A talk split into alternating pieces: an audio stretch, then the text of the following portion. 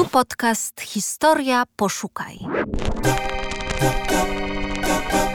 Najciekawsze tematy, perypetie niezwykłych bohaterek i bohaterów, zadziwiające losy dzieł sztuki. Siedzicie wygodnie?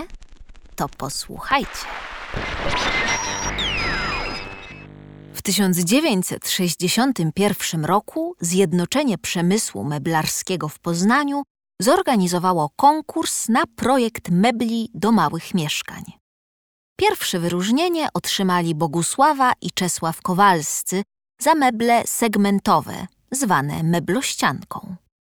Chociaż założeniami projektu były prosta konstrukcja i funkcjonalność, to skończyło się rewolucją. Nowoczesne formy mebli kowalskich zerwały z tradycją ciężkiego mieszczańskiego stylu urządzania wnętrz. Szybko stały się symbolem nie tylko okresu małej stabilizacji lat 60. XX wieku, ale i następnych dekad. Błyskawicznie przyjęło się też ich określenie, nawiązujące zarówno do projektantów, jak i do odbiorców. Tak oto popularne nazwisko Kowalscy stało się określeniem przeciętnej polskiej rodziny. Projekt autorstwa małżeństwa Kowalskich był odpowiedzią na główne wyzwanie powojennego meblarstwa stworzenie prostych i tanich systemów mebli do małych mieszkań. Urządzenie niewielkiego M4, czyli mieszkania dla czterech osób, o wymiarach 48 metrów kwadratowych, było nie lada umiejętnością. Ciasne i niefunkcjonalne pomieszczenia, które stały się jednym z symboli Polski Ludowej, stanowiły bolączkę lokatorów. Rozwiązaniem dla małej powierzchni mieszkaniowej miały być funkcjonalne i zajmujące niewiele miejsca meble segmentowe. Pojęcie meblościanki już wówczas znano w Polsce. Powstawały nawet jej liczne projekty, jednak żaden z nich nie był produkowany seryjnie.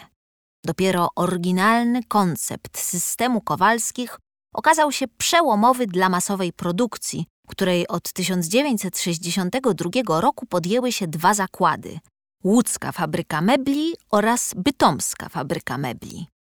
Innowacyjność projektu Kowalskich polegała na zastosowaniu prostokątnej obudowy z litego drewna i sklejki, którą można było zamontować na różnych wysokościach, a następnie dokręcić rozmaite ścianki boczne i drzwiczki wykonane z fornirowanych płyt wiórowych.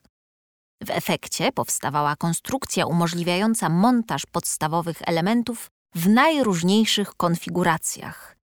Można w nią było wmontować półki otwarte bądź zamykane drzwiczki oraz, najoryginalniejsze wizualnie, tak zwane adaptery, czyli składane łóżka i wysuwane blaty stolików. Łatwość montażu stanowiła niewątpliwą zaletę tej wielofunkcyjnej kombinacji meblowej. Wszystkie elementy systemu skręcano jednakowymi śrubami, a nakrętki w kształcie motylka pozwalały montować meble bez pomocy narzędzi. Dodatkowo meble sprzedawano w paczkach, co ułatwiało ich transport. Meble Kowalskich przez dziesięciolecia towarzyszyły milionom Polaków, a niektórzy zachwycają się nimi ponownie, gdyż moda na nie powraca nie tylko wśród kolekcjonerów designu PRL-u. Stanowią jedną z ikon powojennego projektowania w Polsce. Jakie elementy wyposażenia wchodziły w skład meblościanki? Czy pozwalały na kreatywną aranżację? Odpowiedzi na te pytania znajdziesz na portalu Historia Poszukaj w artykule Weroniki Szerle pod tytułem Meblościanka dla Kowalskich, czyli krótka historia najpopularniejszych mebli w PRL-u.